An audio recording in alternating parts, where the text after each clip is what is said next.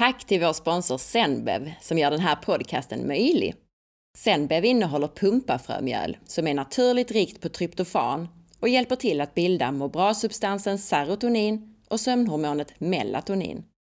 Zenbev stavas med Z och du kan hitta det i närmaste hälsokostbutik. Hej och välkommen till For Health med Anna Sparre.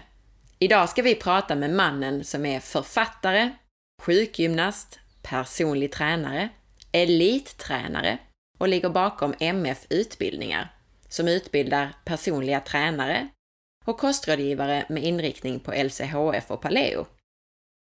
Jag pratar alltså om mat och träningsgurun Jonas Bergqvist. Vi kommer att prata om allt från mat vid träning till träningstrender och om hur kroppen fungerar. Om du gillar podcasten och den gratis information den innehåller, så dela med dig till din vän eller familjemedlem. Eller varför inte på Facebook? Tack på förhand! Och du vet väl om att du alltid kan hitta mer information på forhealth.se. Dagens intervju bjuder på grymt intressant information och erbjuder något för alla. Allt från den som elittränar till den som behöver motivation att gå från stillasittande till lite rörelse. Och till den som bara vill nörda in sig på hur saker funkar i kroppen. Eller vill lära sig mer om kost och kost runt om träningen. Jag ber om ursäkt för att det är ett litet biljud på Jonas linje i intervjun. Jag har lyckats redigera bort det mesta av det, men lite finns kvar. Jag tycker att man hör det mest i det allra första svaret där Jonas ger oss sin bakgrund och tror inte att det stör så mycket efter det. Det är så extremt mycket kunskap och intressanta svar att lyssna på i den här intervjun och ju längre in i intervjun, desto mer kommer Jonas kunskaper till sin rätt. Jag är övertygad om att ni som tänkte er en 20 minuters promenad inte kommer att kunna sluta lyssna, utan promenera över en timme med lurarna i öronen idag. nu kör vi! Hej Anna! Hallå Jonas! Hur är läget? Det är bra. Det ska bli kul att äntligen få prata lite om eh, träning och mat vid träning och så, för det har jag gjort alldeles för lite här i podcasten. Om vi säger så här då, för de som inte känner till dig, vem är du egentligen eh, kortfattat och vad har du för bakgrund när det gäller hälsa? Ja, lite om mig. Jag är nyss fyllda 40 år för två veckor sedan så att nu har jag passerat det strecket. Eh, jag kommer från Skåne ursprungligen men bor i, i Täby utanför Stockholm. Jag har två döttrar på fem och sju år och en sambo. Jag har haft lite tvärvändningar för mig här under min, min karriär. Jag började läsa till ekonom och eh, hade planer på att göra internationell karriär och syssla med internationell marknadsföring och så vidare. Och jobbade också utomlands, bodde i USA i två år. Eh, men kände där att eh, jag vill inte jobba med pappa åtta timmar om dagen utan det var något annat som, som fångade intresset. Så jag flyttade hem och började läsa lite kurser inom hälsa. Jag läste först en massageterapeututbildning, eller en idrottsmassörutbildning eh, med idrottstouch. Jag har alltid varit intresserad av träning. Eh, aldrig tävlat på hög nivå men jag har spelat fotboll, innebandy, gått på gym och, och löptränat.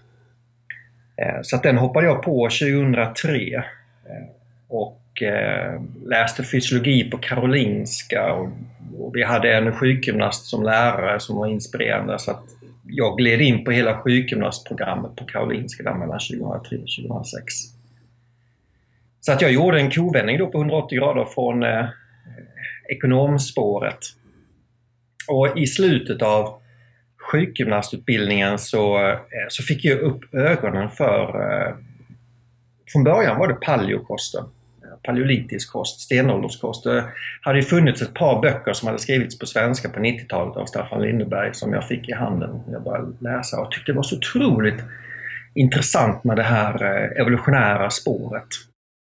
Att, att borra sig ner i den, i den frågeställningen om, om vad människan är genetiskt anpassade för. Och inte bara när det gäller kost utan även rörelsemönster och psykosocial miljö och eh, alltså hur fungerar vi? Både hjärna och kropp. Så jag plöjde otroligt mycket böcker om det på egen hand. Eh, det är ingenting man får med sig inom den akademiska världen precis. Eh, så att jag läste mycket och eh, började dra igång kurser inom lågkolhydratkost. Jättesvårt där 2004, 2005. Det var ingen som lyssnade på det örat. Så parallellt med att jag jobbade som sjukgymnast då, privat så, så höll jag kurser och började med kostrådgivningar. Eh, och det var jättetufft i början. Jag träffade en, eh, en, en kille som hade samma intresse och vi skrev, vi skrev för, den första versionen av en, en, en lång utbildning inom lågkoloratkost och paleolitisk kost om hur kroppen fungerar utifrån det här evolutionära perspektivet. Så vi hade den första klassen 2008. Så att jag har varit egenföretagare sedan 2006 när jag gick ut Karolinska och har, Eh, har lagt pusselbitarna i mitt företag som heter MF-gruppen eh, och det har bestått av utbildningar, eh, personlig träning, sjukgymnastik och rehab och nu är vi ett helt team som jobbar med, med idrottsmedicin och ja, kost och livsstilsfrågor utifrån ett utifrån evolutionsmedicin, funktionsmedicin, paleolitisk synvinkel. Så att, ja, det är det vi gör i dagsläget. Min arbetsvardag idag består av att jag undervisar en del på våra eh, utbildningar inom både kost och träning. Jag eh, föreläser en hel del, jag älskar att vara ute och föreläsa eh, och håller enskilda konsultationer till allt ifrån människor som mår, mår dåligt till elitidrottare som vill optimera detaljerna. Det är min vardag idag. Så att jag, jag lever min passion just nu. Ja, vad härligt. Och, ja, grattis förresten i efterskott eh, till 40-årsdagen. Ja, tack. ja, tack. Och jag kan ju flika in att en av mina utbildningar är också från MF-gruppen och den eh, kan jag verkligen rekommendera. Det var en jättefin utbildning. Ja, det var ju länge sedan du gick den Anna. Det var ju... När kan det ha varit? Vill du avslöja det? Jag tror att det var kanske sex år sedan, fem, sex år sedan ungefär var det. Ja, precis. Så att, eh, ja, nej, väldigt bra helt enkelt. Som jag nämnde så har jag haft alldeles för få avsnitt som handlade om träning, så jag tänkte börja prata lite om träning med dig. Ja, ja. Om man till exempel är småbarnsförälder och fulltidsarbetande och sen på varje ledig stund ska man gå på släktmiddagar och föräldramöten. Hur, hur gör man då med träningen tycker du? Vilken träning är absolut viktigast? Ja, det är väl 10 000 kronors frågan. Jag tror att eh, man, man, kan ju delvis se vi, vi, som jobbar med hälsa, vi vill, ju att, vi vill ju att företag ska implementera hälsostrategier och göra det till en naturlig del utav hela flödet ute på arbetsplatser. Och lite så ska man nog se det hos sig själv också, att eh, istället för att träning bara är någonting utanför som ska, som ska tryckas in i vardagen, så måste träning bli en del utav en själv, en del av ens egen identitet och ens, ens rutiner. Så att, eh, att, att, sitta ner med sig själv och fundera igenom hur man spenderar de 24 timmarna om dygnet och försöka prioritera. Eh, samtidigt som jag tror att eh, under väldigt hektiska perioder, exempelvis småbarnsåren, så kanske man får sänka sina ambitioner och försöka underhålla det man har men, men eh, kanske också acceptera att det är en period i livet när, eh, eh, när man får gå på, på lågvarv helt enkelt på, när det gäller träning. Men Sen tror jag att, att, att, att schemalägga det om man, är, om man jobbar, att, att lägga in sina egna träningspass i, i arbetsschemat och värdera det som så högt som möjligt gentemot andra åtaganden man har. Så att jag tror det finns ett antal strategier, och, men man får nog hinna stanna upp och fundera igenom lite grann. Mm. Om det nu är så att man tränar lite mindre just under småbarnsåren, är det någon form av träning som man ska prioritera? Alltså är det styrketräning eller konditionsträning eller har du något sånt tips? Eh, jag skulle ju generellt rekommendera styrketräning för att det är ju, tittar man lite generellt på människor så är det oftast eh, styrketräning som, som saknas därför att kondition kan man få lite enklare på olika håll i samhället. Eh, och det, det, får vi när vi går till bussen och när vi, när vi eh, rör oss och går i trappor på jobbet. Men riktig styrketräning, att, att verkligen eh, stärka skelettet och öka muskelmassan och bli starkare, då är vi oftast beroende av redskap runt omkring oss. Det får vi oftast inte. Så att jag skulle, skulle nog prioritera att försöka hinna komma till, till gymmet Eh, sen så går det utmärkt att köra styrk eller konditionsmoment i gymmet också, så det går jättebra att kombinera där. Mm. Mm. Har du någon favoritträningsövning då om man ska träna styrketräning, antingen hemma eller på gymmet? Jag har fem.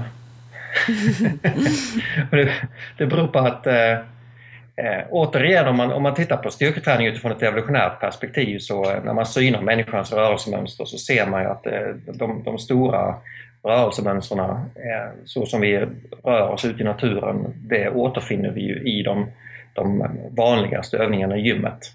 Eh, vi går ner på huk. Eh, där har vi knäböjen. Vi eh, går ner i ett utfallssteg för att lyfta upp någonting tungt från marken, lägga upp axlar. Där har vi utfallssteget. Vi vi, vi, pressar någonting ifrån kroppen, vi drar saker och ting till kroppen. Så att, om man skalar ner styrketräning till fem enkla övningar som, som är så allsidigt som möjligt så, så är det knäböj, utfallssteg, marklyft, en pressövning och en dragövning. I fem övningar så har du i princip hela kroppen täckt. Perfekt. Mm. Om vi bortser från tidsbrist, eh, tidsbrist då och pratar mer generellt om hälsa, ska träning vara kort och intensiv eller är det viktigare att man minimerar stillasittandet och hellre tränar så mycket som möjligt? Vad tycker du? Ja, det, det beror lite grann på, eh, du tänker utifrån hälsoaspekten då? Ja, precis. Mm. Jag tror att, eh, eh alltså att, att, att gå från eh, att gå från tre, till exempel att gå från två träningspass per vecka till ett tredje träningspass per vecka. Eh, det, hälsovinsten är ju inte så jättestor. Utan den stora hälsovinsten det, det, går, det är ju att gå från 0 till 1 eller från 1 till 2. Sen avtar det. Så att jag tror att, att minimera stillasittandet har ofta en mycket, mycket starkare hälsoeffekter. Det finns ju forskning från Karolinska, för övrigt min tidigare eh, klasskompis från fysiologistudierna som, som har gjort forskning som visar på de här otroliga metabola effekterna i, i kroppen av stillasittandet. Det händer så otroligt mycket i musklerna, i enzyms, enzymsystem och hormonsystem av stillasittande. Så att eh, jag tror att eh, stillasittandet är någonting som, eh, som, som man faktiskt undervärderar, eller som, man, eh, som, som är en större risk för ohälsa än vad man tror. Eh, så att jag tror att man ska börja med stillasittandet, att bryta det. Eh, och sen så titta på eh, det vi kallar träningspass. Men om vi säger så här då, långdistans eller sprintövningar och crossfit och sån sorts träning, alltså ska man ja. träna långt och, och lågintensivt eller, eller kort och intensivt? Det beror ju mycket på vad man är för person, vad man tycker är kul, vad man är byggd för, vad man vill åt beror lite grann på vad man har eh, anlag för också. Men, men eh, kort och intensiv träning har ju jätteeffekter. Och det, oavsett om det är styrka eller kondition, och det är inte så konstigt för att går du på max så får ju kroppen en otrolig stresssignal om att okej, okay, är det det här jag ska anpassa mig till? Så den, den försöker ju uppgradera de flesta system i, i kroppen. Så träningseffekten är ju enorm på kort och intensivt. Det är bara det att väldigt många motionärer är inte riktigt eh, förberedda för kort och intensiv träning, så en del går ju sönder. Så att man, måste ju, man måste bygga upp en grund och successivt öka belastning till man, till man kan eh, träna kort och intensivt. Mm, de är för svaga helt enkelt menar du? Ja, ja precis. Kan man träna för mycket då? Man kan definitivt träna för mycket. Eh, det finns det många exempel på. Jag har jag coachar personer som ligger på gränsen hela tiden och tittar man på elitidrottare så ligger de ju ständigt på gränsen. Eh, men man kan träna för mycket eh, och det är hela tiden balansen mellan träning och återhämtning som är viktig. Så att eh, när du börjar få ganska många träningspass i veckan, så är det uppåt 4, 5, 6 stycken sådär, då, då bör man ju se till så att man verkligen får en bra återhämtning från alla de här passen. Och det är inte många, det är inte, det är inte alla som får. Nej, och, och vad händer då, alltså om man inte får det och man tränar för mycket? Vad, vad är det för signaler som kroppen ger då, eller vad händer? Eh, det blir ju en katabol process. Det blir en, det blir en nedbrytning utav eh, muskelmassa, det kan bli nedbrytning av skelettmassa. Det som oftast också inträffar när man tränar väldigt mycket, det är att man inte äter tillräckligt mycket. Eh, och det finns ju studier som tittar på eh, elitidrottande kvinnor till exempel, många ligger ju på ett kroniskt eh, energiunderskott, eh, vilket är otroligt katabolt och nedbrytande. Eh, så att det, det, ökar ju risken för infektioner, eh, det urkalkar ju skelettet och eh, man, man är trött och sänkt helt enkelt. Eh, och till sist så kan man ju hamna i, i överträningsfacket också. Och kommer man till att man blir övertränad, då det är ungefär att jämföra med utmattningsdepression inom arbetslivet, att man stressar kroppen så mycket så att man kommer till den punkten där, där hela stresssystemet stänger av, klarar inte av att mobilisera mer. Så man blir man ut, utbränd ungefär som man kan bli ja. av ett stressigt jobb? Mm. Ja, rent fysiologiskt så är det ungefär samma sak. Mm.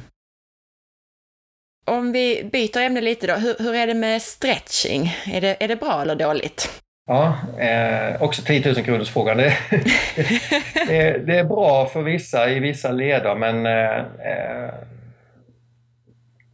man kan säga så här att eh, eh, det jag vänder mig lite grann mot är ju all den här, all den här slentrianmässiga stretchandet, att man efter ett pass går igenom hela kroppen och sliter och drar i alla leder lite hur som helst. Utan, eh, Eh, det var och en bör göra det är ju att eh, få en bra koll. Var har jag en god rörlighet? Var har jag en sämre rörlighet? Och den här lite sämre rörligheten, ställer det till det? I vardagligt liv så ställer det oftast inte till det. Så att har man motionärer som tränar en till två gånger i veckan så tycker jag nästan att eh, då, då satsar man på bra styrketräning, lite konditionsträning och att man tar ut rörelser i, ut i, i ändpunkterna för då får man naturlig stretching i träningsrörelserna. Eh, sen eh, satsar man mot en idrott och, där och behöver en viss typ av rörlighet i en, i en led för att utföra en viss rör, rörelse, då är det klart att då måste man stretcha och jobba med rörlighetsträning för att, eh, för att man inte ska gå sönder. Kan stretching till och med förhindra resultatet av träning om man stretchar i samband med träningen? Eller, alltså när, om man nu ska, ska stretcha, när är det bäst i så fall? Ska man göra det innan eller efter träning eller inte alls i samband med träning? Ja, det finns en grundregel om att man inte ska, du ska inte stretcha en muskel som precis därefter ska, ska arbeta på, på sitt max eller, eller explosivt. För du, du, du går miste om den här gummibandseffekten. Om du drar i en muskelstena så blir den, den blir lite slappare helt enkelt. Den får inte samma möjlighet att dra ihop sig snabbt så att du blir sämre på explosiva moment och det kan ju i sin tur då innebära skaderisk just där och då. Så att rörelseträning eh, det kan vara i samband med ett träningspass men då ska man inte stretcha de muskler som man, som man jobbar med. Okej. Okay. Utan man kan ju stretcha andra muskler som kanske bidrar till en bättre hållning, bättre rörlighet så att man kan utföra övningar bättre.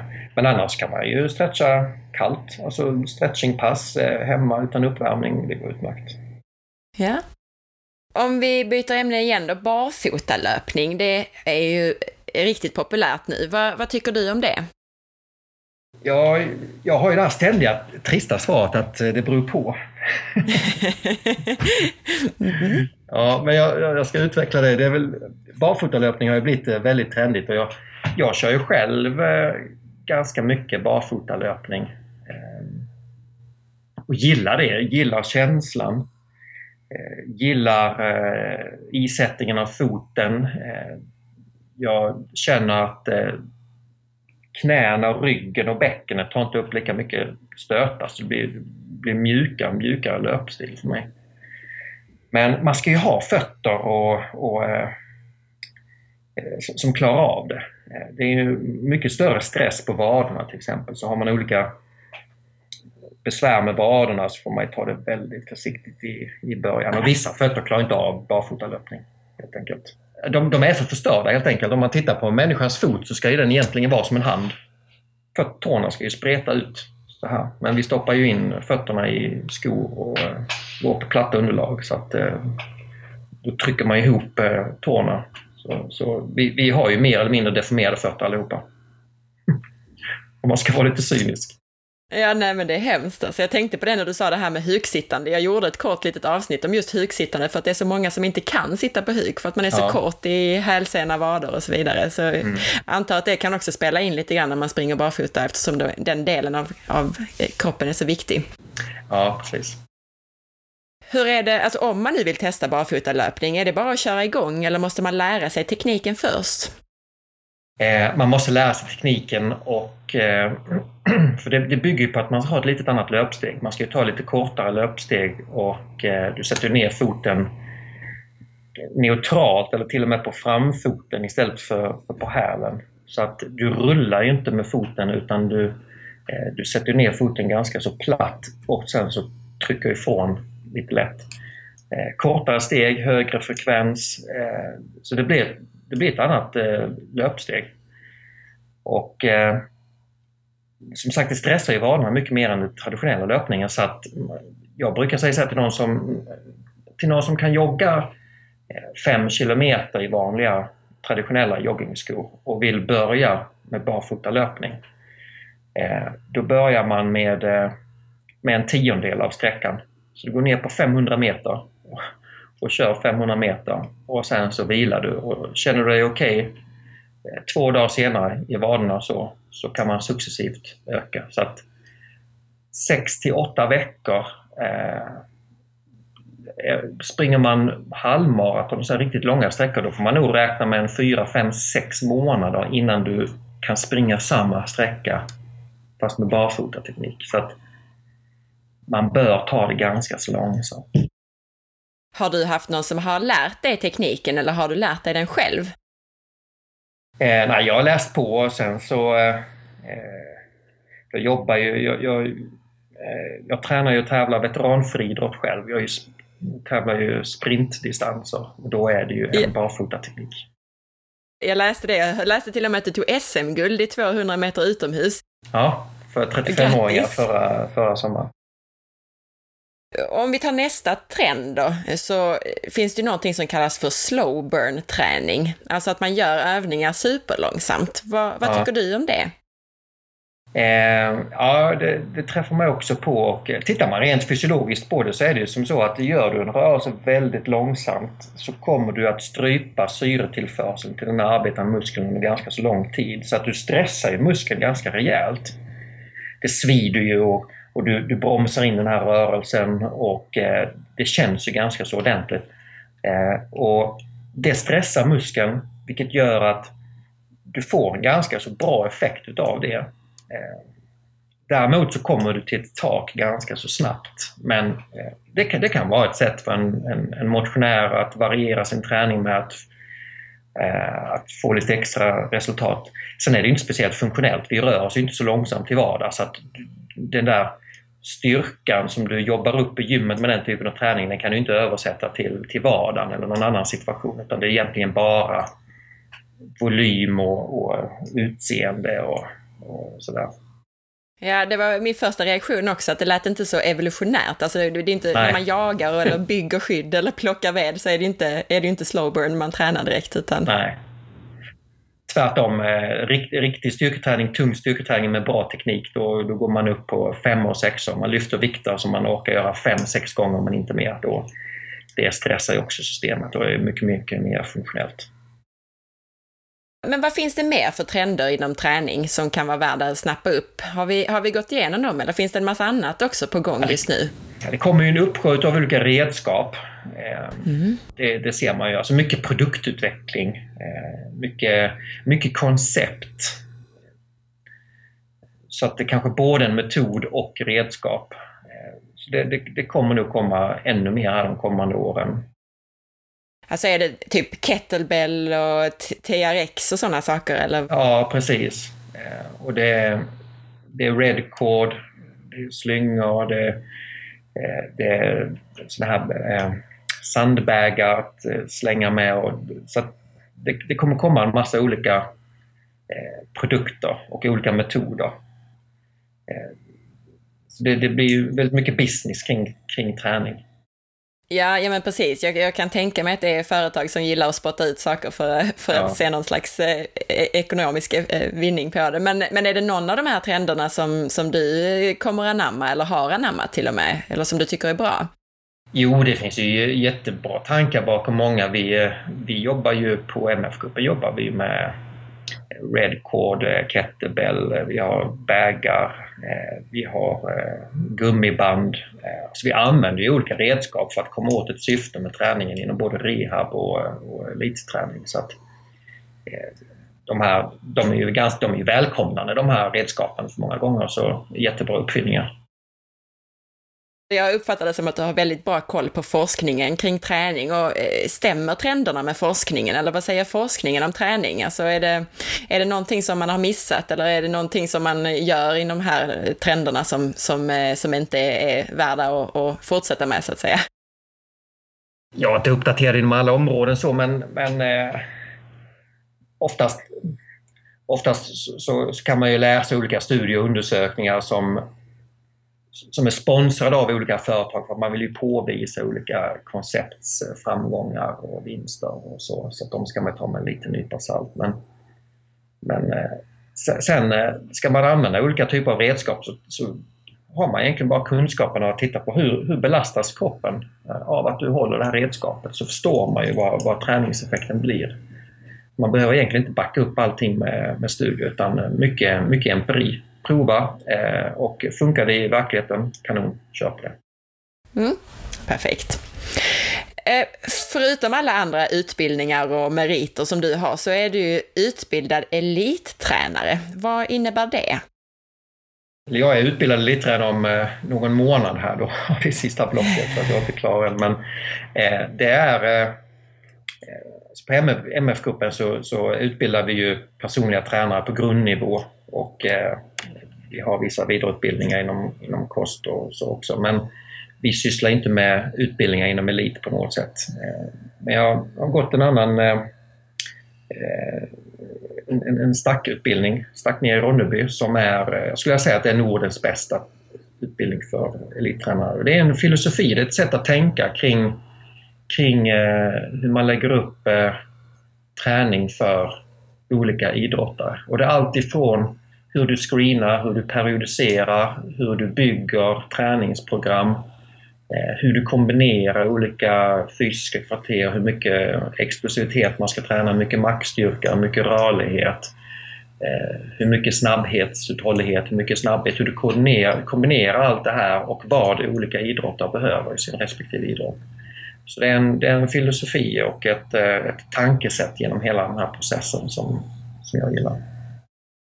Vad finns det för tydliga skillnader, eller vilka är de viktigaste skillnaderna me mellan elitträning och vanlig träning för hälsan? Ska man, ska man hårdra det så, så brukar jag säga så här att eh, träning för hälsa ser bara till att det blir av. Mm. Eh, elitträning, då vet man att då blir det av. Då måste man styra upp innehållet i detalj. Det behöver man inte göra som motionär. Det är den stora, det är den stora skillnaden.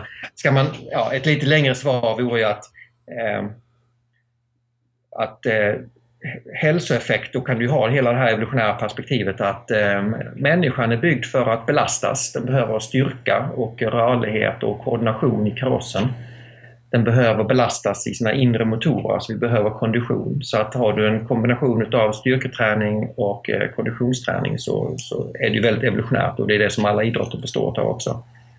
Elitträning, då går man in och analyserar exakt vad är det som krävs av den här människan för att bli bra i den här idrotten. Och göra en kravprofil i detalj. Eh, och sen så försöker man efterlikna det i träningen då, att eh, bygga upp den här kroppen för att matcha de här den här kapacitets, de här kapacitetskraven. När tränade du själv sist och vad gjorde du då? En timme sedan. Mm -hmm. ett, inter, ett intervallpass här i skogen. Jag har ja, jobbat hemma idag så att eh, då brukar jag alltid ta ett intervallpass här vid lunchtid. Ja, hur långt sprang du eller ungefär hur länge? Det var eh, Eh, 25 minuter och eh, så sprang jag 30 sekunders eh, sprintar. Så jag springer på 80-90 av max i 30 sekunder och sen så vilar jag då eller går framåt i 90 sekunder. Sen kör jag om 30 sekunder, vilar 90, kör om 30, vilar 90. Men jag kanske kommer en, en 4 kilometer. Så det är inte så långt men det är, ju, det är, det är ett kort effektivt pass. Vilket bra tips! Ja. under en vecka då, hur kan, hur kan en veckas träning se ut för dig? Alltså hur mycket tränar du och vad gör du? Jag brukar väl köra två pass i gymmet per vecka, alltså en, två gånger i eh, konditionsträning per vecka. Eh, så det brukar bli kondition på helgen eller i samband med helgen och under veckorna så har jag ju, jag har ju en tröskelsbredd ut till gymmet på jobbet så att det finns inga ursäkter. Eh, så där tar jag två gånger. Vilken lyx! Ja, det, det är lyx. Men eh, jag, ja, men det, det är styrketräning och det är lite rehab. Jag jobbar med min ena höft som krånglar lite grann och det är min ena axel och lite sånt där. Så att, eh, eh man, får, man får täppa igen sina luckor. Men jag läste, eller vi, vi, jag nämnde ju det innan, eller vi pratade om det, att du tog SM-guld i 200 meter utomhus. Hur, vad, vad var nyckeln till framgång? Hur, hur klarade du av det? En nyckel till framgång det var att de la den tävlingen mitt på semesterperioden när inte så jättemånga ställde upp. ja, det var blygsamt Jonas. ja, det var, ja, det var extremt blygsamt. Men eh, lite berodde på det faktiskt. För det, var, det var inte så jättemånga som ställde upp. Vi var inte så jättemånga som sprang. Men dock var det så att jag hade ju tränat. Eh, jag har alltid varit bra på explosiv träning. Jag har alltid tränat, eh, gillar att träna intervaller och att, att springa fort.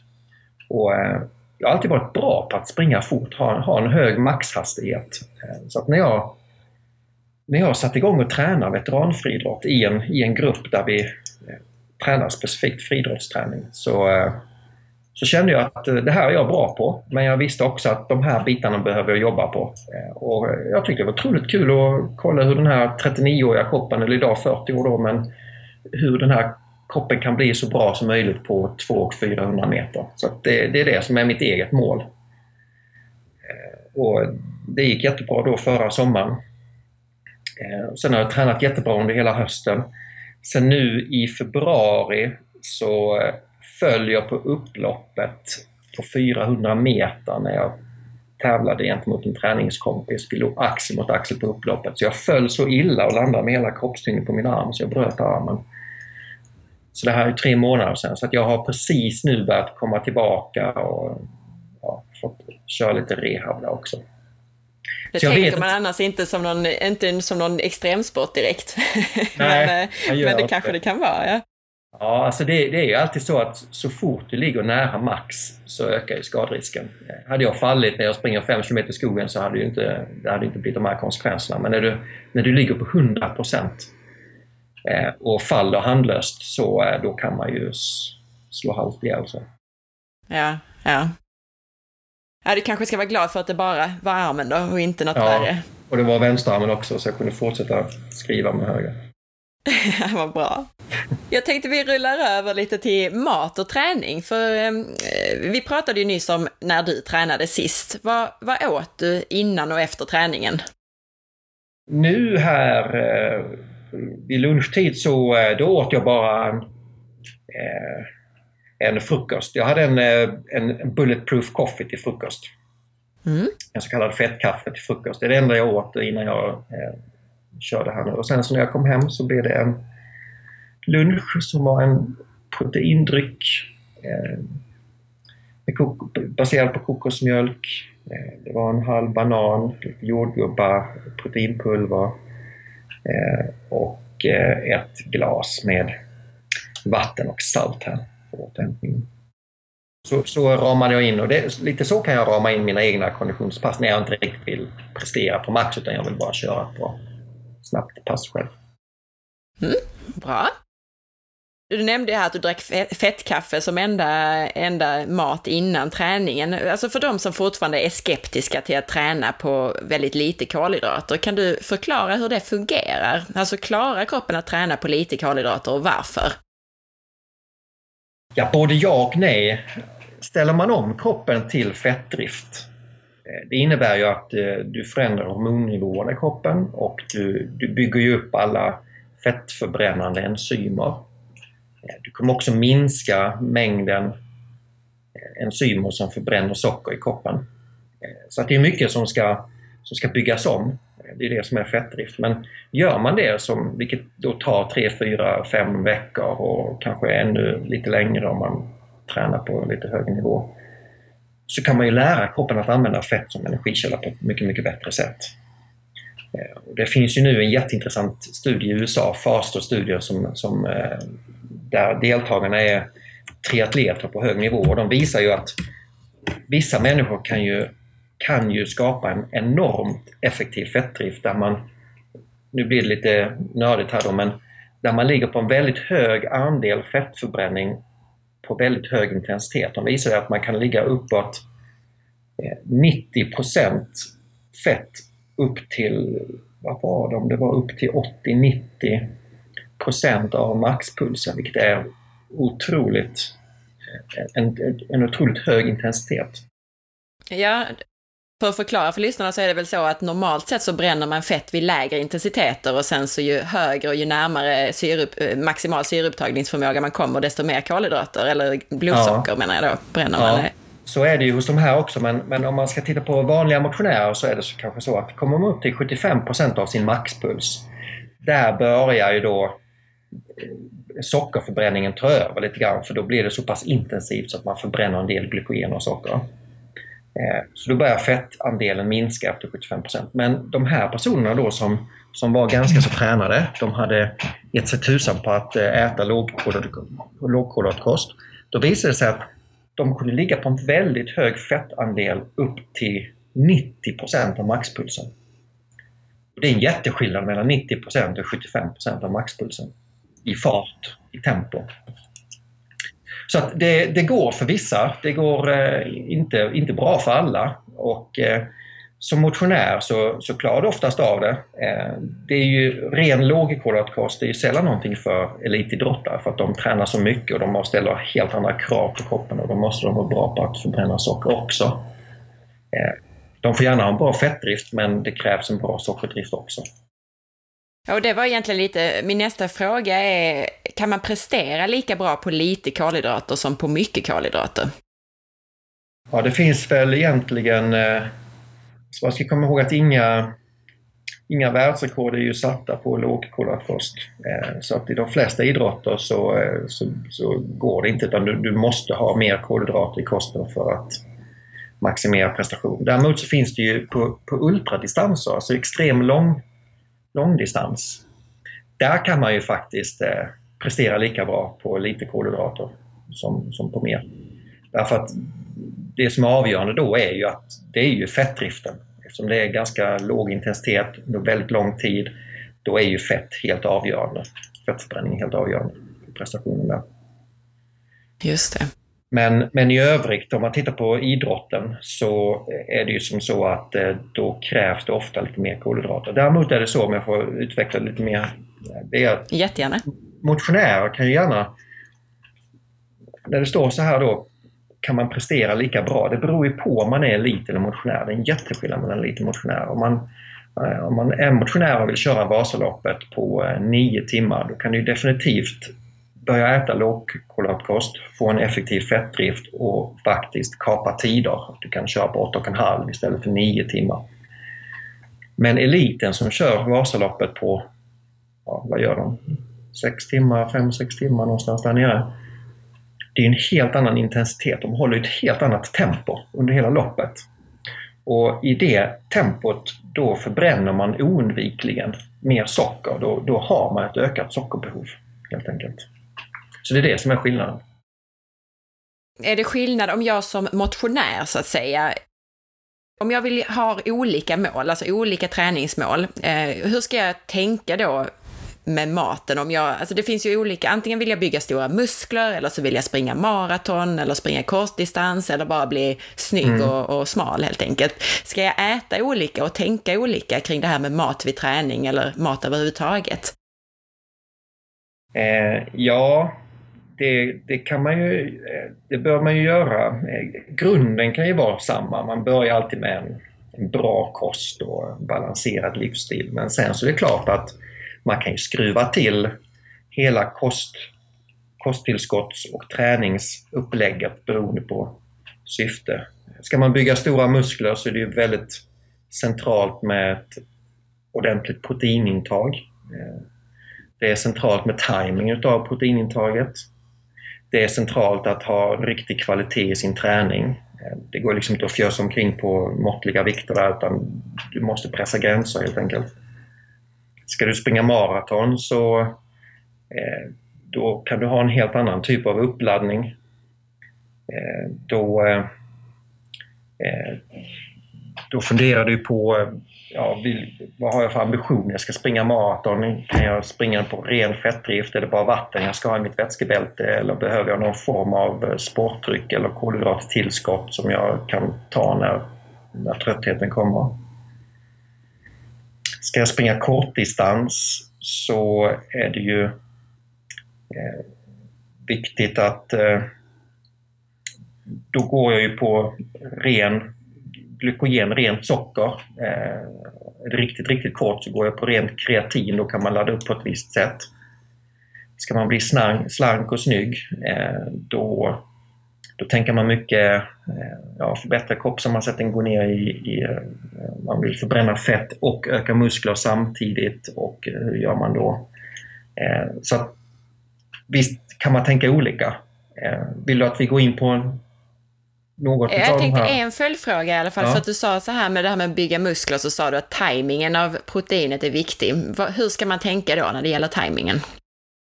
Jag brukar säga så här att eh, om du styrketränar och vill öka muskelmassan så, eh, så bör man nog ligga på eh, någonstans mellan 1,5 till 2,0 gram protein per kilo kroppsvikt per dag.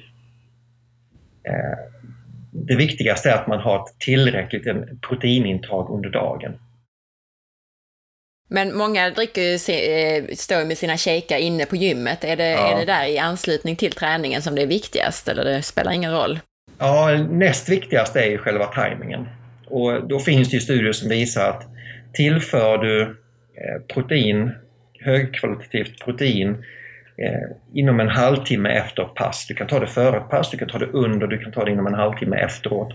För då har du ett öppet fönster in i musklerna. Musklerna är väldigt mottagliga för aminosyreupptag och om du då skjuter in det i ett så eh, finfördelat, eh, finfördelad konsistens som möjligt. Du, du, kan ju ta en eh, oxfilé innan du kör träningspass men det tar väldigt lång tid att bryta ner en oxfilé. Det är där proteinpulver kommer till sin rätt. Så tar man då proteinpulver så att det tas upp väldigt snabbt av magen in till blodet i anslutning till det träningspasset så har du en liten, liten eh, fördel. Du får en liten eh, förbättrad muskelinlagring. Men det är ändå på detaljnivå så att man, man måste ju börja med att träna på ett bra sätt för ändamålet eh, och sen äta bra, se till så att man får i sig protein generellt under dagen. Sen nästa, nästa del blir då att titta på den här proteinshaken det som många gör på gymmet är ju att de äter ju skräpigt i övrigt, eh, sover dåligt, stressar och kanske inte alltid tränar så klokt och så tror de liksom att den här proteinshaken ska lösa allting. Men riktigt så blir det ju inte då. Nej, nej. Men då kan jag förstå, då var det kanske syftet med din eh, proteindrink som du körde nu efter, efter träningspasset. Eh, det här öppna fönstret och så, eller? Ja, jag brukar tänka så här att är man ute på på långdistans och springer på lite lägre intensitet så, här, så kanske man inte har något proteinbehov efter just det träningspasset. Men springer man intervaller, ganska tuff konditionsträning och alla styrketräningspass så brukar jag ta eh, ett, bra proteinpulver efter varje pass för att ta tillvara på varenda träningseffekt eh, så bra som möjligt. Det behöver naturligtvis inte Gunnel, Gunnel 55 som tränar på Friskis Svettis behöver inte tänka så naturligtvis. Nej. Utan det är om man vill ha, ha ut det här lilla extra. Ja, ja. Men när det gäller den här eh, alltså stressen som ändå kroppen, även om man är Gunnel och kanske ändå tränar ganska hårt utifrån hennes kapacitet. Eh, ja. Ska man... Gunnel kanske tränar hårt, vi ska inte, vi ska inte ha fördomar mot Gunnel här. Men jag tänker då, Alltså om hon nu vill motverka den här ändå eh, påfrestningen av träningen eh, på hela hormonsystemet och sådär, är, är det, ska hon ändå tänka på att äta efter träningen? Och, och, eller, eller går det bra om hon inte är hungrig efter träningen? Kan hon vänta och äta när hon blir hungrig? Jag brukar alltid rekommendera att man tar någonting efter träningen. För kroppen har ju ett behov av eh, byggstenar, särskilt om man har tränat åt det tyngre slaget. Har hon tränat lite lättare och inte är hungrig då, då går det säkert utmärkt att åka hem och, och laga middag ett par timmar senare. Men tränar hon lite tyngre så tror jag att det alltid är bra att eh, ta något litet efter ett eh, träningspass. Jag tänkte vi ska bli ännu mer konkreta för jag har fått en lyssnarfråga till dig. Och Ja. då är det en, en man på 32 år som tränar på gym tre gånger i veckan. Och målet för honom är att må bättre i, i huvudsak, både fysiskt och, och psykiskt, men, men eh, också fokus på det här med en snyggare kropp. Och, och jag tror att han menar då en muskulös kropp. Eh, och han skriver så här. Jag inser att en mer varierad träning garanterat har mycket större och bättre hälsoeffekter. Men jag tycker att jag får mest synliga och psykiska resultat om jag är på gymmet. Jag har under perioder ätit ganska strikt LCHF, vilket har resulterat i minskat fett. Men jag upplever också minskad energi, främst explosivitet och mer trötthet under träning. Eventuellt också lite mindre muskelmassa. I övrigt så mår jag mycket bättre av att äta LCHF, eh, med mindre trötthet och bättre hud. Och då frågar han, hur mycket potentiell förlorad muskelmassa får jag av att äta LCHF? Det är hans första fråga. Jag tror... Eh, alltså det, det, finns ju, det finns ju studier som visar att, eh, eh att man, man bibehåller muskelmassa ganska så effektivt på lågkolhydratkost. Så att jag tror inte att han får en, en förlorad eh, muskelmassa av LCHF. Det han möjligen upplever det är ju att när man ställer om till LCHF så, så eh, tömmer man ju vatten på, kroppen på vatten i större utsträckning. Så man har inte lika mycket vatten i musklerna. Så han går ju möjligen miste om lite, han, man kan möjligen känna att, att volymen muskler minskar lite grann men det är oftast vätska. Så att det, det är inte muskelproteiner. Eh, så jag tror inte han förlorar eh, eh alltså muskelmassa, muskelproteiner av att äta LCHF. Nej, nej, precis.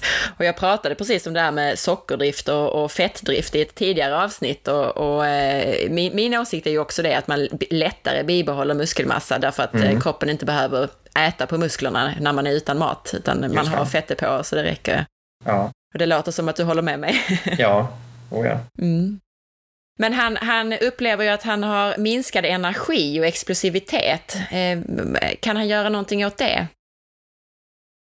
Ja, det jag tänker, eh, när du läste det här fallet så, eh, så är det ju att eh, jag skulle titta på hur han bygger upp sina träningspass. Ofta så eh, ofta är ju folk på gymmet för länge. Eh, ibland kan man höra, ja men jag är en och en, och en halv timme. Men vad, vad gör du en och en halv timme på gymmet? Eh, och många som tränar väldigt många övningar och sådär, då, då kan man säkert känna att man inte riktigt har ork av LCHF eh, ända till slutet utan att man blir trött efter ett tag. Jag, jag tror att det finns mycket att hitta på när det gäller att effektivisera träningspassen. Jag brukar säga att eh, eh man ska sällan köra pass över 60 minuter. Man kan oftast hamna någonstans mellan 30 och 45 minuter. Eh, om man skalar ner antalet övningar, kör dem rejält, bygger in kvalitet och då hinner du inte heller komma till den här tröttheten. Så då går det, då går det utmärkt att köra ganska så intensivt under en liten kortare tid utan att ha så mycket kolhydrater i kroppen.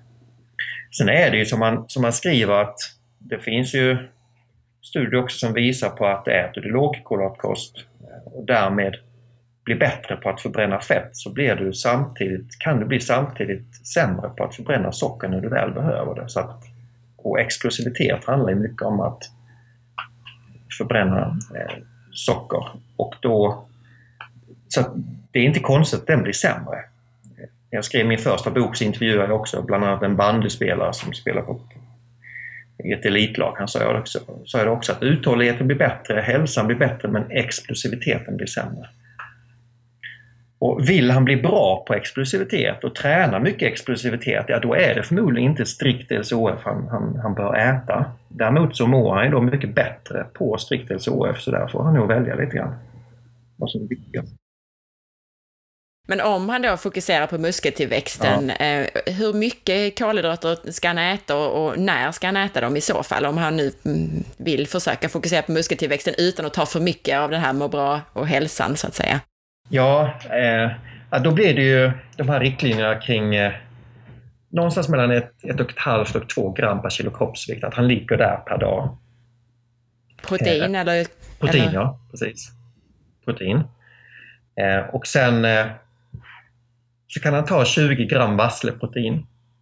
Alternativt 5, 6, 7 gram grenade aminosyror till varje pass han kör. Tränar han väldigt hårt så kanske han till och med ska ta det eh, vilodagar. Och det gör man ju allt, allt för att inte få en muskelnedbrytning. Utan ta tillvara på all effekt från, från träningen. Eh, då kommer han säkert få en, en, effektiv fettförbränning. Så han kommer att trimma kroppen och eh, kunna öka bra i muskelmassa om man, om man tränar på ett klokt sätt.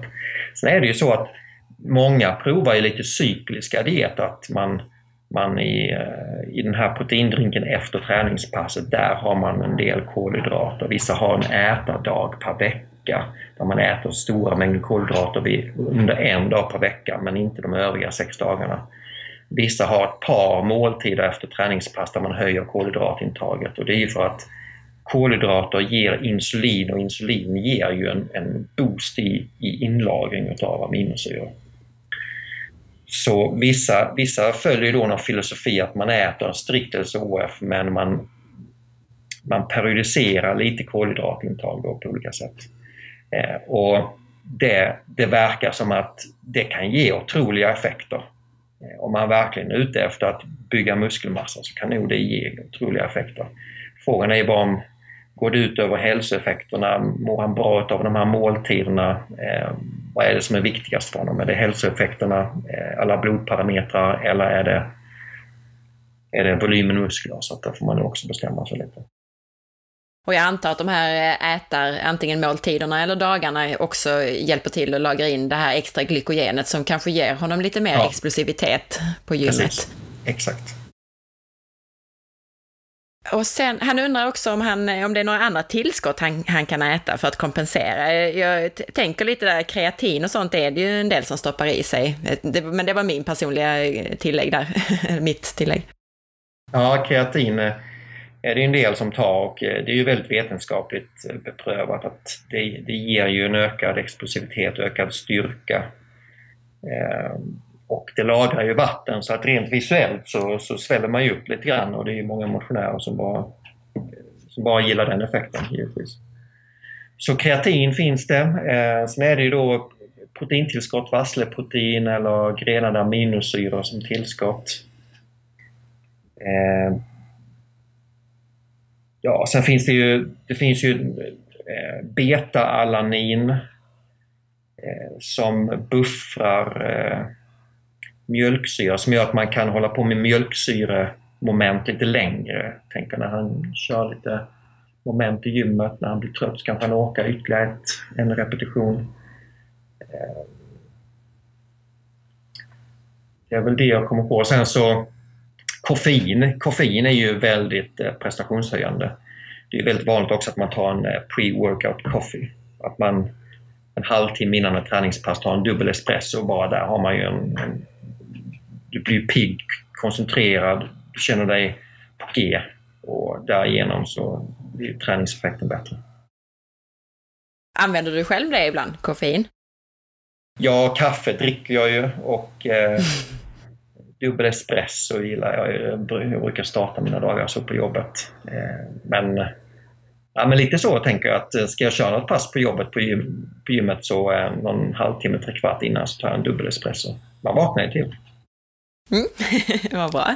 Ja, det kanske precis, just det att känna piggheten också kanske hjälper om man har barn hemma. Och ja, det är det, det är det som är med träning också. Ska man, ska man ha träningskvalitet så kan man ju, vi kan ju prata mat och, och tillskott här för kroppen för att få ut bästa möjliga effekt, men det hjälper ju också att vara fokuserad och koncentrerad och motiverad så att allting som hjälper en att mentalt eh, må bättre befrämjar ju också den rent kroppsliga effekten.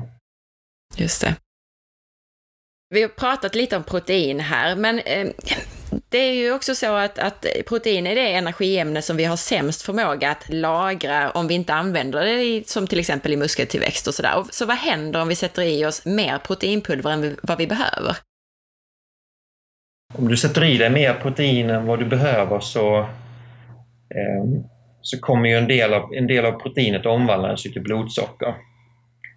Eh, och blodsocker kan ju sen omvandlas till fett och lagras på kroppen i, i form av det. Om man äter stora mängder. Så det är det som händer. Eh, ofta så eh, Protein är det som mättar bäst. Så ofta vill man inte äta så jättemycket. Man, man blir så mätt. Eh, det är, men det är ju som du säger, det är, det är framförallt om man tar det i pulverform så kanske man inte får den där mättnaden per gram protein som man får i, i form av livsmedel.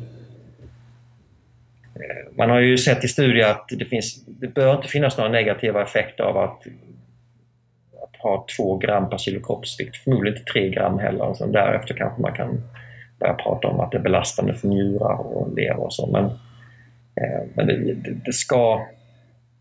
Tar man inte proteinpulver så ska det ju väldigt mycket till för att man äter mycket, för mycket protein. Ja, man blir ju väldigt mätt på, på kött och ägg och ja. annan mat. ja, precis. Och du nämnde ju lite med det här fönstret kring träningspasset. Eh, och normalt sett så, så, behöver vi ju hormonet insulin för att lagra in blodsocker som glykogen eller fett. Men mm. vad menar man när man pratar om icke-insulinberoende glukosupptag efter träning? Det man menar är ju att, eh, att cellerna kan ta upp eh, blodsocker utan insulin. Och det är ju så att in i, om vi ska bli lite en, en, ett par minuter biokemi här nu då så är det ju som så att mm. inuti, inuti cellerna så finns ju någonting som heter glutt. Eh, glutt är, är olika transportbärare så att de åker ut, när insulinet kommer och fäster sig på sin insulinreceptor så åker glutt ut till cellväggen och öppnar en kanal så att blodsocker kan åka igenom. Det är så det funkar. Eh, men när muskelceller får får spänna sig och slappna av och spänna sig och slappna av och spänna sig och slappna av så stimulerar man de här glutt till att åka ut till cellväggen och öppna upp för blodsocker utan att insulin behövs. Så eh, det är ju, man har ju en förhöjd insulinkänslighet efter ett träningspass upp till ett par dygn efteråt. Så. Men vad har det för betydelse för oss som tränare? Alltså hur utnyttjar vi det bäst, det här fönstret då? Ja, det är ju att om du vill ha en, en inlagring utav glykogen eller aminosyror så är ju cellerna väldigt mottagliga för det precis efter ett träningspass. Så att det är ju, det är ju där man då, eh, vill man hålla kolhydraterna mer, äta lågkolhydratkost eh, och kanske ändå fylla på lite grann och kanske ändå vilja ha lite liten boost av eh, glykogen, en glykogeninlagring så, här, så är just tiden precis efter ett träningspass är ju, det är ju den perioden man är mest mottaglig.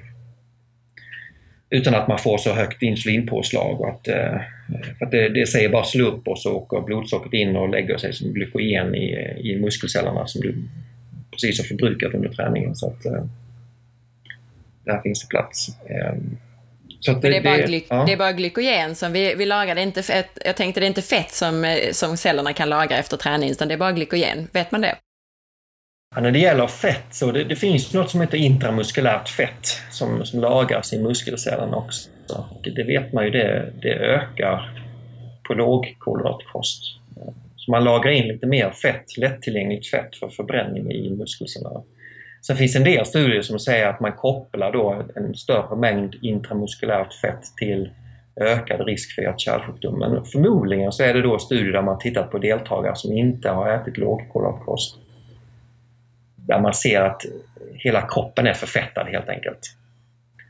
Eh, så det är ju en, eh, det är en otrolig skillnad mellan att eh, en, en kropp som kan ta hand om fett man äter och en som inte kan göra det. Där har vi ett eh. ämne för, för den här nya kostfonden att, att uh, studera ja. då, helt enkelt. ja, precis.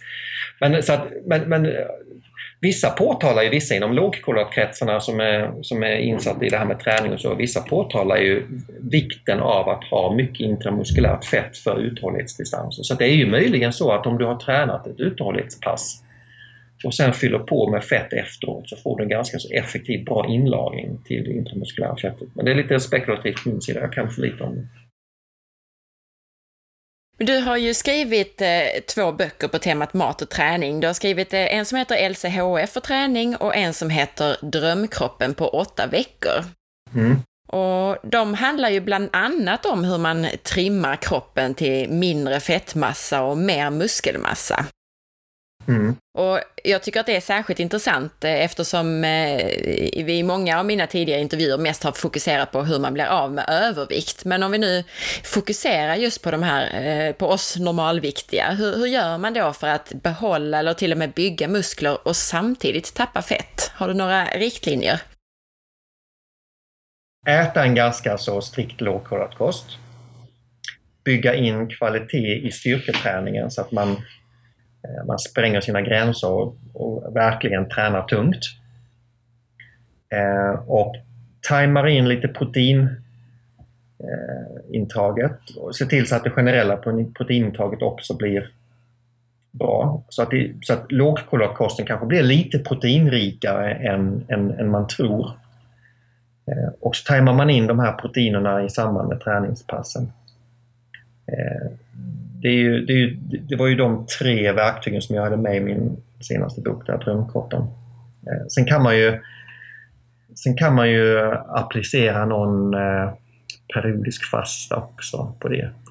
Eh, jag kan bara kommentera det här, den här målsättningen som många har, att vilja gå ner i vikt och öka muskelmassan samtidigt. Det finns ju studier som visar på att det är fullt möjligt, men det kräver lite disciplin och lite, lite planering och schemalag. Man kan inte bara gå på känsla. Så utan, för grejen är att så för att tappa fett så måste vi äta eh, vi måste ha ett energiunderskott. Vi måste äta mindre än vad vi fri och det får vi ju genom att vi väljer lågkolhydratkost. Vi blir mättare från kanske en, hög, en ökad ämnesomsättning vilket gör att vi får ett negativt, eh, en negativ kaloribalans, går ner i vikt.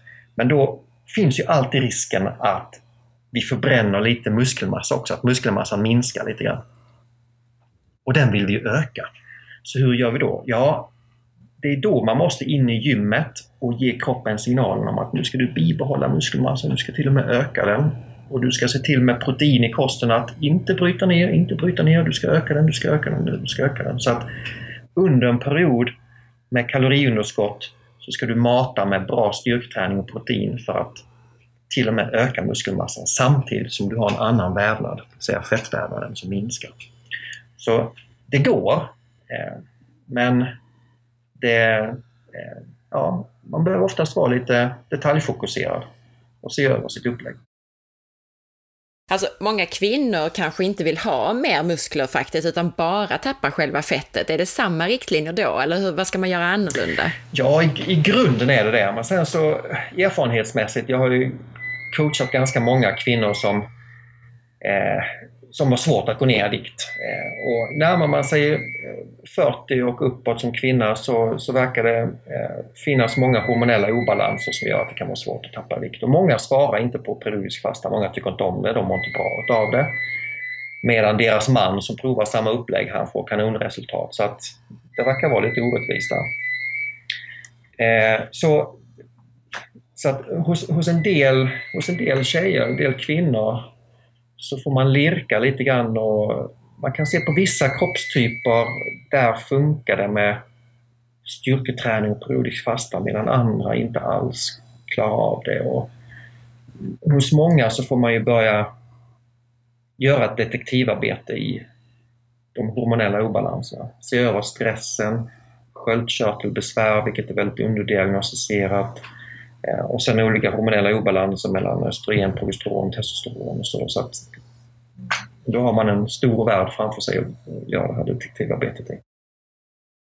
Men är det någonting av de här riktlinjerna som man inte ska göra om man nu inte vill bygga mer muskler? Alltså jag upplever själv som tjej att jag har väldigt lätt med den här kosten, alltså en lågkolhydratkost, eh, att, ja. att, att bygga muskler. Och det är nästan så att jag ibland kan känna att jag blir lite väl stor, alltså utan att jag tränar så jättemycket, bara äter bra och tränar lagom i, i mina ja, mått så att okay. säga.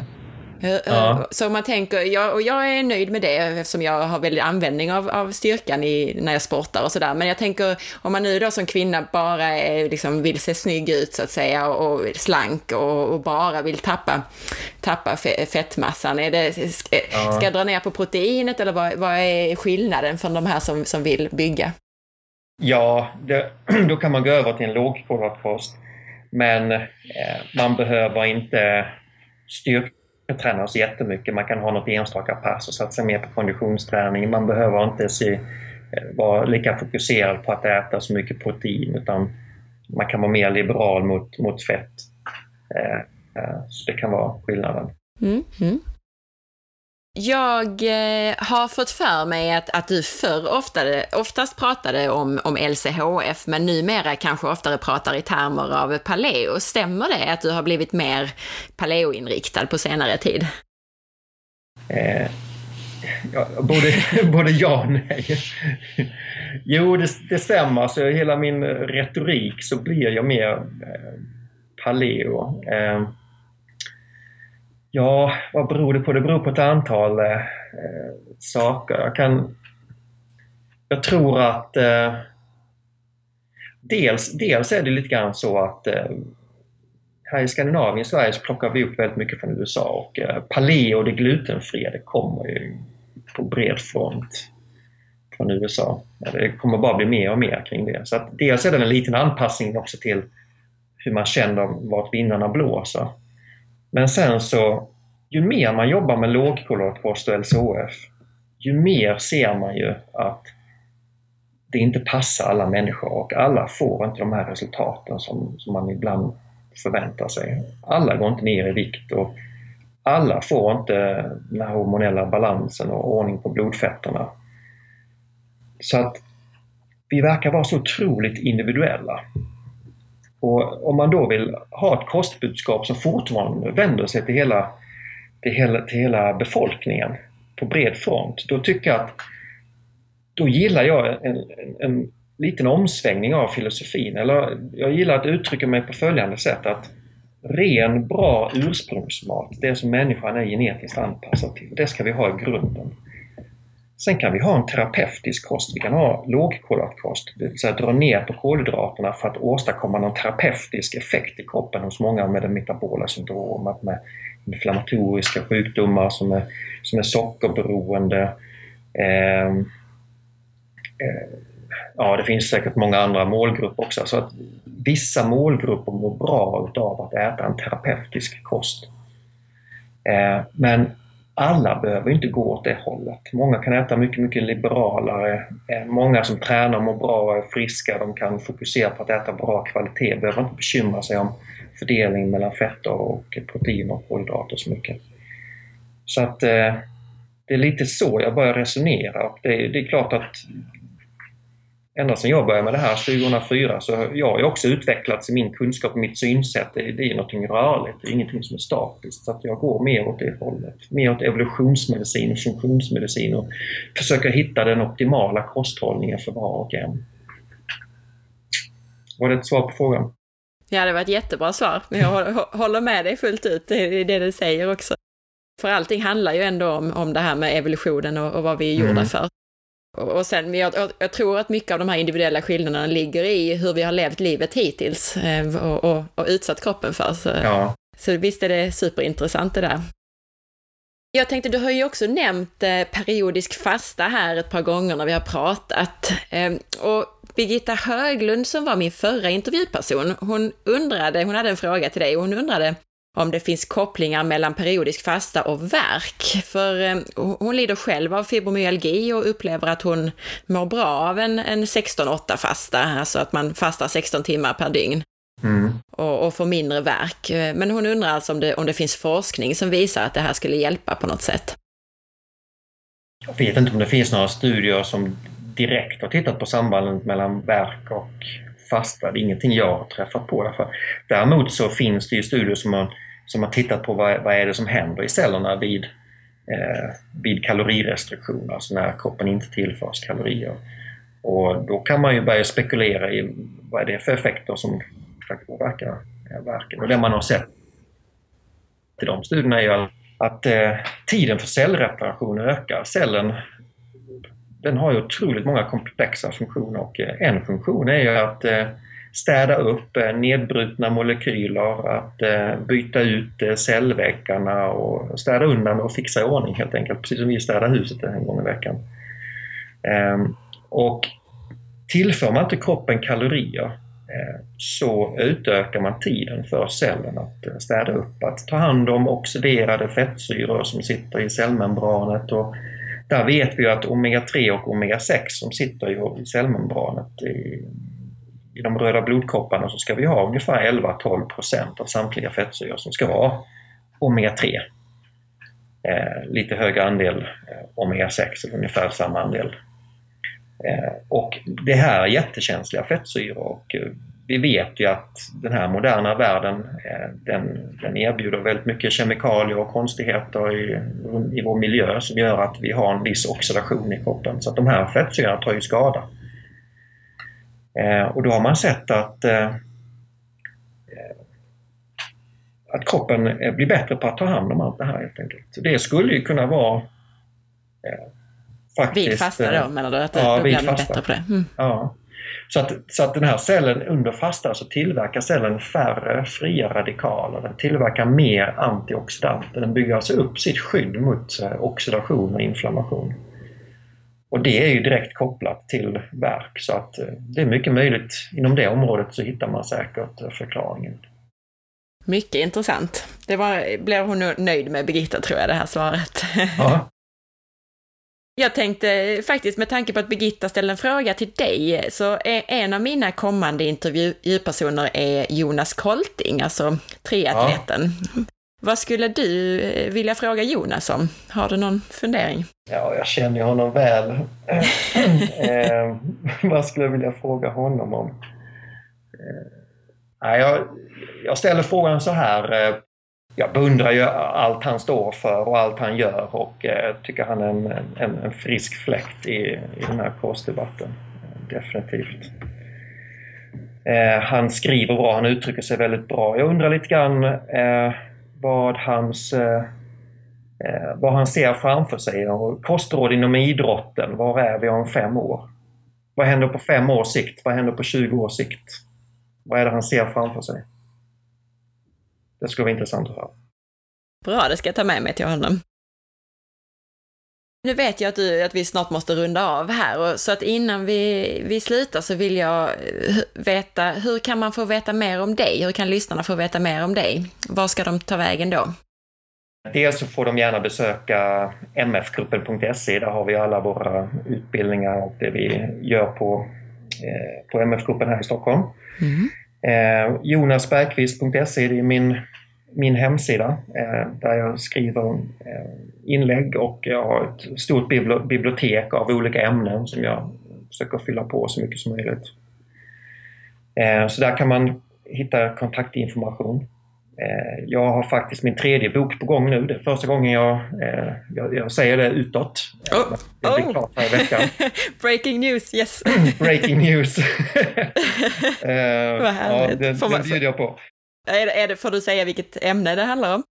Ja, det är ät och lev paleo. Det är paleolitisk kost och jag kommer att resonera mycket kring vår evolution och eh, vad, vad, är vi människor för någonting och ta ett helhetsgrepp om den frågeställningen. Eh, både filosofi, teori men också, som också kommer mynna ut i konkreta tips eh, att ta till sig. Superspännande! Fokus på mat men det kommer också handla mycket om vår livsstil och, eh, och, och träning. Kommer ut i eh, januari 2016.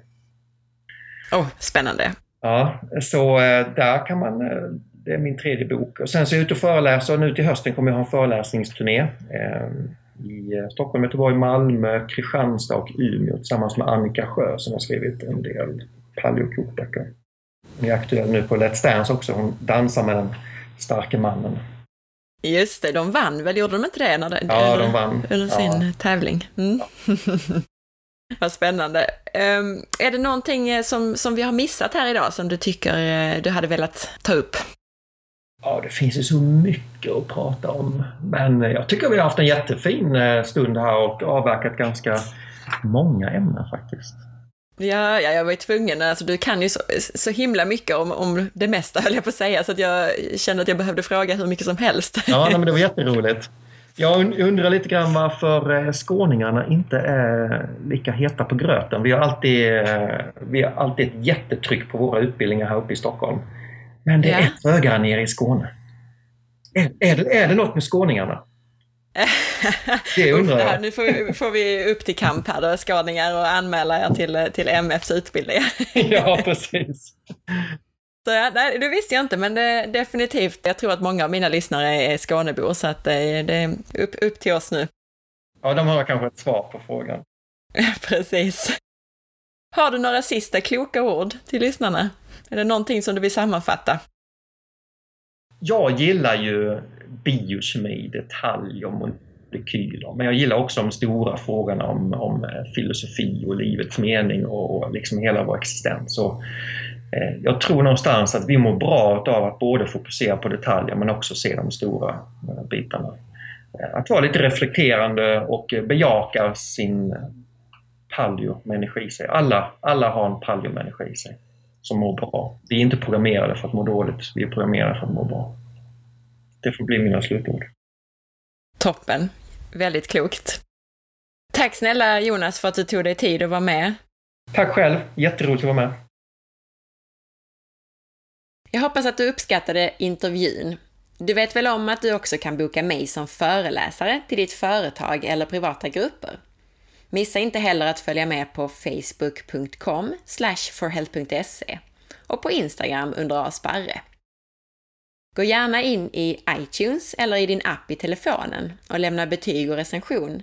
Och titta in på bloggen på forhealth.se och önska intervjupersoner eller ställ frågor. Jag vill också tillägga att jag får enormt mycket mail och jag har tyvärr inte möjlighet att besvara personliga hälsofrågor via e-mail om du inte har bokat rådgivning.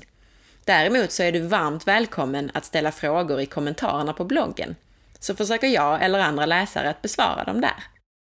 Och du kan också mejla mig för att boka konsultation, personligen via e-mail eller per telefon. Tack för att du lyssnade och ha en underbar dag, så hörs vi snart igen.